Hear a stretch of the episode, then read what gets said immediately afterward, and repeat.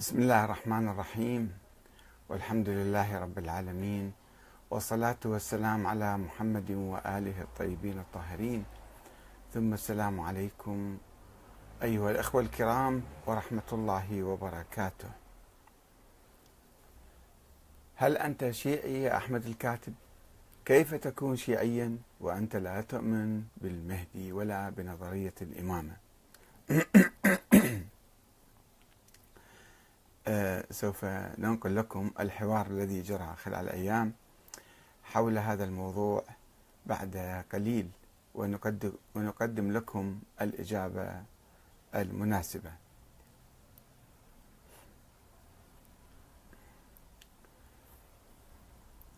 هل أنت شيعي يا أحمد الكاتب؟ وكيف تكون شيعيا وأنت لا تؤمن بنظرية الإمامة؟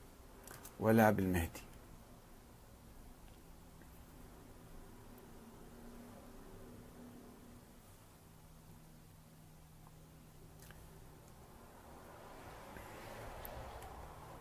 كيف تكون شيعيا وأنت لا تؤمن بالإمامة ولا بالمهدي؟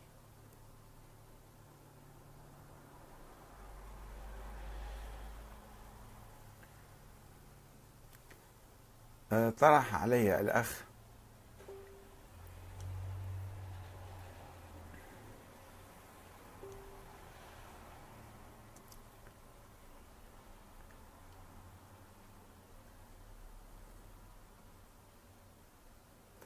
أه، طرح علي الأخ أبو محمد السيلاوي أه، السؤال التالي هل أنت شيعي يا أحمد الكاتب؟ وكيف تكون شيعيا وأنت لا تؤمن بنظرية الإمامة؟ فقال السلام عليكم أستاذنا الفاضل.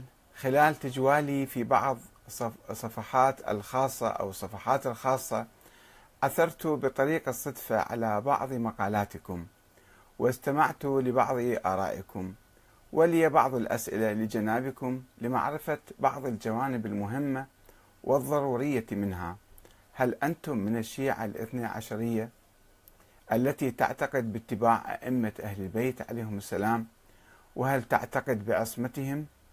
أعتذر للسؤال لأني قرأت بعض سيرتكم الذاتية واطلعت على بعض آرائكم لذلك دفعني الفضول في التثبت أو في التثبيت على أهم أصل أو قل مدرسة حتى حتى أستطيع من خلالها أن أقف على بعض مقالاتكم الكريمة